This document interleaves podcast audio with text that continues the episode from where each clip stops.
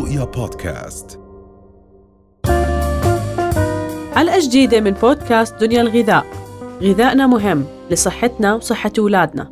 دنيا الغذاء بودكاست من دنيا دنيا. دراسة جديدة ويمكن معلومة جديدة اليوم رح تقدمي لنا إياها. رند تحكي عن أهمية البوتاسيوم وكيف ممكن يساعدنا بأن نخلص ون يعني نخفف من الملح في أكلاتنا ويعني استخدامنا بشكل عام له. أوكي. بتعرفي ليلى اليوم رح نحكي عن البوتاسيوم بشكل أخص لأنه العديد العديد من الأشخاص ممكن تعاني من أعراض معينة بالجسم ومن ضمنها تشنجات العضلات بالأخص وما يكونوا عارفين شو السبب الحقيقي وراء هاي التشنجات.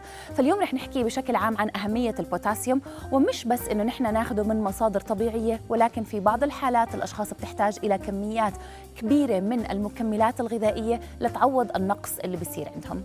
أول شيء بدنا نحكي فيه دور البوتاسيوم بالجسم. البوتاسيوم بيلعب دور أساسي اولا باسترخاء العضلات وبفوت عمله بضخ الدم وإنتاج الطاقة من قبل الخلايا بفضل ما يسمى ال sodium potassium pumps. في شيء عندنا بيصير بالخلية بيكون عندنا آه، against concentration gradient أو آه، ضد آه، مستوى التركيز عندي بالخلية بحيث الجسم بصير يستخدم الصوديوم والبوتاسيوم لحتى ينتج الطاقة ب خلايا ال- آه، الجسم وبمولد الطاقة بالجسم أو بالخلية اللي يسمى الميتوكوندريا.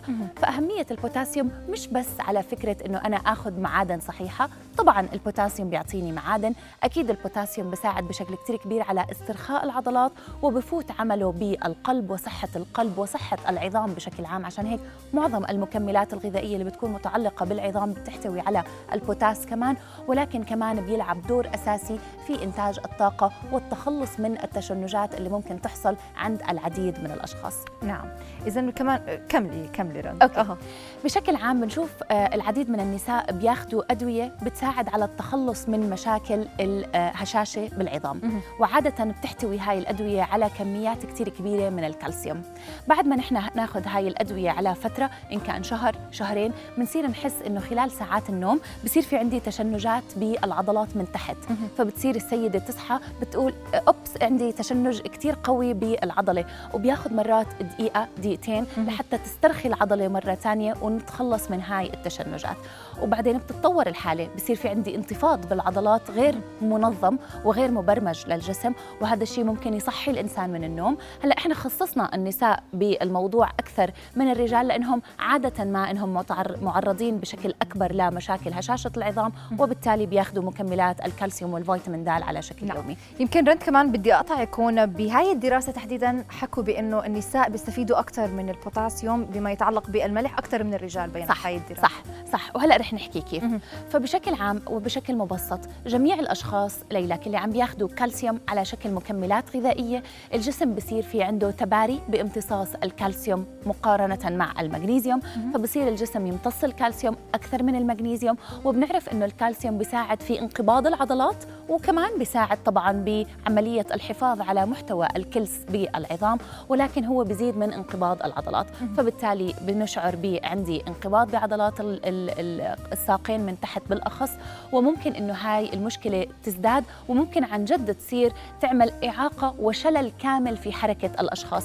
كثير شفت أشخاص كان عندهم مشاكل بنفضه الإجر أو اللي بيكون عندي تشنجات بالعضلات بالجسم. كانوا نروح نعمل تخطيط للعقل وتخطيط للجسم ولل وبالتا وبالنهاية ننصدم إنه فقط المشكلة هي نقص من المغنيسيوم كان عندي أحد المراجعين هو كان رجل آه، عمه كبير بالعمر كان اكشلي وكان فاقد الحركة تماما بسبب عنده تشنجات بالعضلات وبتتخيلي إنه كمان كان نقص مغنيسيوم فعشان هيك ما نستهين بدور المغنيسيوم إذا كنا من الأشخاص اللي عم ناخذ الكالسيوم الفيتامين د على شكل يومي على شكل مكملات غذائية. ضروري جدا إنه نحن نقرنه مع المغنيسيوم لحتى ناخذ الفائدة الغذائية وما يصير في عندي هاي التشنجات. فالمغنيسيوم بيساعد على التخلص من التشنجات بالأخص للرياضيين لكبار السن اللي عم بيتعالجوا من الكالسيوم وما ننسى دوره الأساسي في إنتاجية الطاقة بالجسم. أما بالنسبة لتاثيره على الملح فهو كله بفضل ال potassium sodium pumps اللي بتكون عندي بالجسم. كل ما نحن بناخذ بوتاسيوم أكثر كل ما اولا الكلى تقدر إنها تصرف الصوديوم بطريقة أفضل فبنصير نتخلص من الصوديوم من أجسامنا. ثانيا كل ما الجسم بصير يستخدم البوتاسيوم والصوديوم لإنتاج الطاقة بدل من رفع الملح أو رفع مستوى الصوديوم بالجسم اللي بيؤدي إلى ارتفاعات في ضغط الدم. نعم. هلأ إذا بدنا نحكي كمان الأشياء اللي موجود فيها البوتاسيوم غنية بالبوتاسيوم لازم نكثر منها. أوكي. عندي التركيز لازم يكون على الموز لأنه بيحتوي على نسب عالية جدا من البوتاسيوم.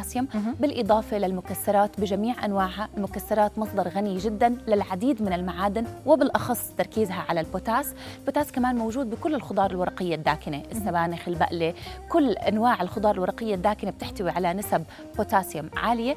وبنفس الوقت آه، آه، في عندي التركيز لازم يكون بشكل كثير كبير على أخذنا من الأسماك لأنهم بيعطوني نسب جيدة جدا من المعادن أيضا. نعم. أما للأشخاص اللي بتحتاج طبعا آه، مكملات غذائيه فإحنا بنقدر نرجع للمكملات الغذائية على شكل يومي لحتى نقدر نستفيد من هاي المعادن. نعم.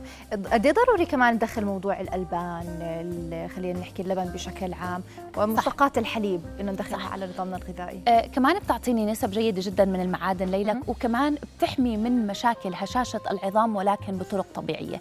إحنا دائما ننصح الأشخاص إنه نحن ناخذ ألف ملي جرام أو 1000 ملي جرام من الكالسيوم على شكل يومي اللي بيعادل ثلاث حصص من الألبان والأجبان. ولكن كبار السن السيدات ما بعد عمر الخمسين الرجال ما بعد عمر الستين إحنا بنصير نحتاج إلى أربع حصص غذائية اللي بتعادل 1200 ملي جرام من الكالسيوم. وكمان صغار السن تخيلي إنهم يحتاجوا 1000 تقريبا آه، ملي جرام من الكالسيوم. طبعا اليوم إحنا معنا آه، زبادي اليوناني من المراعي. اللي بيميز الزبادي اليوناني إنه بيحتوي على مستوى بروتين أعلى من اللبن العادي. فال Greek yogurt عادة بيكون فيه نسب آه، بروتين أعلى اللي بتعطيني قيمة غذائية أكبر. عندنا نكهات متعددة في عندنا فراولة توت أزرق والمانجا وبصراحة طعمه لذيذ بالصيف. ممكن يستبدل البوظة أو المأكولات اللي فيها نسب سكر عالية جدا. لازم ننوه إنه هو بيحتوي على السكر فهو غير ملائم لحمية الكيتو للأشخاص اللي بتعمل keto diet ولكن الغير منكه بيكون آه، ملائم عادة لهم وطبعا هو 100% آه، حليب بقري طبيعي دون أي إضافات. نعم. إذا شكرا لوجودك معنا رند الديسي وشكرا على كل المعلومات اللي قدمتي لنا إياها. رؤيا بودكاست.